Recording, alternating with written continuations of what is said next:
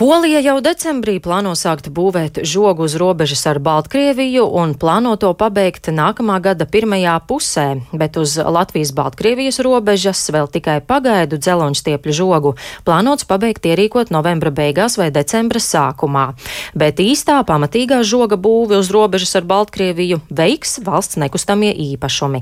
Vadīs īstenos un uzraudzīs visus robežas infrastruktūras būvniecības darbus, īstenos iepirkumus un slēgs līgumus līgumus. Šajā rītā esmu sazvanījusies ar valsts nekustamo īpašumu valdes priekšsādātāju Renāru Griškeviču. Labrīt! Labrīt! Eh, cik tālu šobrīd esat tikuši ar eh, žoga celtniecības plānošanu? Nu, faktiski mēs esam iepazinušies eh, ar iepriekšējo būvprojektu. Ir skaidrs, ka iepriekšējā būvprojektā ir bijušas nepilnības, un to pilnībā mēs nevarēsim izmantot. Un tālāk jau mēs uh, veicam tehnisko prasību izpēti un provizorisko izmaksu noteikšanu. Nu, daļai arī ir jau veikta situācijas izpēte dabā, un to plānots pabeigt ir līdz uh, decembra otrajai pusē. Tāpat arī svarīgi, un mēs strādājam pie prasību apzināšanas uh, ar nodrošinājumu valsts aģentūru un kopā ar valsts robežsardzi. Vēl viens posms, kas, kas ir plānots pavisam drīz, ir sarunas padziļinātākas ar dabas aizsardzības pārvaldu un vidas dienestu, lai jau noskaidrotu prasības arī par dabas aizsargājamām teritorijām un arī dzīvnieku migrācijas ceļiem. Tā kā pašlaik notiek intensīvs darbs gan saistībā ar prasībām, gan apsekošanu dabā, gan iepazīšanās ar dokumentāciju jau, lai uz decembra otro pusi mēs uzsāktu uh, pretendentu atlasi. Mēs pašlaik arī strādājam pie kritērijiem, kādā veidā mēs atlasīsim iespējamos pretendentus, kas varētu būvēt žogu.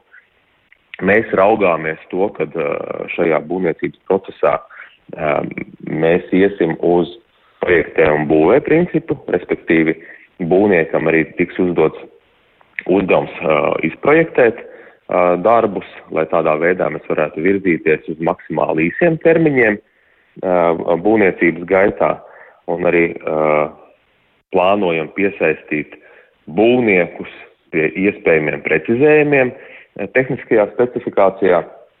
Un jau mēs raugāmies optimistiski, lai varētu noslēgt pirmos līgumus ar būvniekiem uz nākošā gada februāra beigām to, ko mēs arī plānojam, kad projektu sadalīt pa posmiem, jo mēs runājam par 170 vairāk kilometriem garu robežu ar Baltkrieviju un, un Krieviju.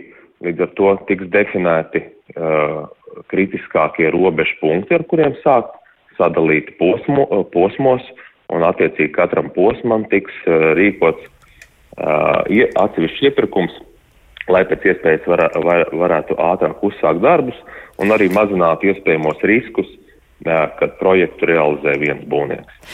Nu, šobrīd izklausās, ka vēl ir priekšā diezgan pagara procedūra, arī vēl periods, lai noslēgtu līgumu, un, un kamēr vēl visi pieteiksies, un tikmēr Polija jau tagad gatavojas sākt celt uh, savu žogu. Kas mums traucē šo procesu pātrināt, vai tas viss neievilksies? Kādēļ mēs to nevaram sākt jau operatīvāk darīt? Nu, es teiktu, ka šis jau ir ļoti pātrināts process, ja mēs skatāmies klasisko iepirkuma uh, procesu, tad uh, tikai iepirkums uh, pēc publiskā iepirkuma likuma aizņem aptuveni pusgadu. Tad šajā gadījumā uh, šis process ir daudz straujāks, un, un pats būtiskākais ir jāsaprot uh, lietotāju vajadzības, jāprecizē tehniskā specifikācija uh, un uzdevums būvniekam. Un, ja mums šī sagatavošanās informācija jau būtu pieejama vai sagatavošanās darbi būtu jau, jau izdarīti, tad, protams, mēs ar iepirkumu varētu iet ātrāk. Bet šis posms ir jāizdara, ir arī noteikti nepieciešams precizēt un apskatīt situāciju dabā, jo kaut kas ir pamainījies par šo laiku, kad tika izstrādāts iepriekšējais būvprojekts Un mērķis iet uh, uz priekšu maksimāli strauji, lai jau februāra beigām varētu pirmos līgumus noslēgt. Vai iepirkuma laikā varēs arī pārsūdzēt konkursa rezultātus, vai procedūra būs tāda, ka tas nebūs iespējams? Nu, mēs darām visu iespējamo un, šajā proces, procedūrā, lai mazinātu šā, šādus iespējamos riskus. Jūs sākumā minējāt, ka aplēšat jau arī uh, provizoriskās izmaksas, vai ir skaidrs, uh, kādas, cik lielas tās varētu būt? Uz doto brīdi vēl nav skaidrs. Pats primārais un pirmie darbi ir tiešām lietotāja vajadzības pabeigt un arī tehnisko spe, specifikācijas. Kad tas tiks izdarīts, pirms konkursu sludināšanas jau būs saprotams par izmaksām un tas ir plānots uz decembra otro pusi. Un kad tad jūs lēšat, kad šos darbus varētu pabeigt un kad žogam vajadzētu būt, tā teikt, nodotam, gatavam? Nu, šajā izpētes pro, projektā ir uh, grūti, es pat teikt, neiespējami komentēt uh, plānoto darbu uh, ilgumu, bet arī uh, par šo mums būs uh, skaidrība tad, kad mēs uz, uzsāksim iepirkumu un iepirkumu rezultātā jau mēs redzēsim piedāvājums, kurš tad uh, piedāvā saimnieciski izdevīgāko piedāvājumu no ekonomikas un arī no laika realizēšanas viedokļa. Līdz ar to tiks izvēlēti tādi būvnieki, uh, kur ir gan īsākais, gan saimnieciski izdevīgākais piedāvājums. Bet nekāds konkrēts datums nav, kad tad eh, sagaida gatavu šo žogu, uz ko jūs aptuveni orientējaties, uz kādu periodu? Jā, uz, uz doto brīdi nav, tādēļ, kad ir primāri jāsaprot darba uzdevums. Cik lielu apjomu mēs dosim būvniekam, kas tiek prasīts no būvnieka, un paš, pašlaik, kamēr nav pabeigtas tehniskās specifikācijas, vajadzības, darba uzdevums būvniekam, mēs vēl nevaram prognozēt, cik, cik daudz laika aizņems būvniecība.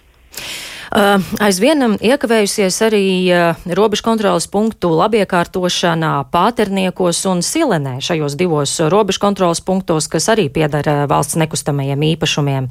Nu jau ir zināms, ka plānot šos projektus pabeigt līdz gada beigām, bet darbiem bija jānoslēdzas jau pērn.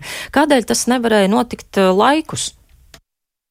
Nu, šeit faktiski bija divas galvenās lietas. Viens bija izmaiņas pašā projektā dēļ lietotāju vajadzībām. Līdz ar to ir racionāli veikt projekta gaitā izmaiņas, kas attiecīgi pagarina projekta realizācijas termiņu. Un otra, otra situācija ar, ar Covid, ar materiālu piegādes ķēdēm, kas arī atstāja savu iespēju uz projektu. Un šīs, šīs galvenās divas lietas, kas ietekmēja šī projekta realizāciju. Pašlaik plānojam, ka projekts sekmīgi tiks pabeigts līdz gada beigām un lietotājs pilnībā lietot uh, telpas un, un, un paviljonus jau no uh, gada beigām. Zināms, ka projekts arī sadārdzinājies par cik ļoti un kādās tieši pozīcijās ir pieaugušas izmaksas. Nu, faktiski sadārdzinājums ir dēļ atkal papildus prasībām, kas ir nākušas klāt projekta realizācijā, jo mūsu uh, projekts, uh, kas ir noslēgts ar būvnieku, neparedz cenu indeksāciju vai papildus piemaksas par jau noslēgtajiem darbiem līgumā, bet ja ir izmaiņas būvis vajadzībā vai infrastruktūras vajadzībā, tad šie ir papildus darbi, kam tiek meklēts papildus finansējums. Un, attiecīgi, tiek pielikt būvniekam. Nu, tad, tas, tas gadījums, kad finansējums pieauga dēļ papildus izbūves darbiem. Jā, nu tad sekosim līdzi, kā veiksies. Cerams, ka neievilksies eh, šī lieta. Tik tālu paldies, saku valsts nekustamo īpašumu valdes priekšsādātājam Renāram Grīškevičam.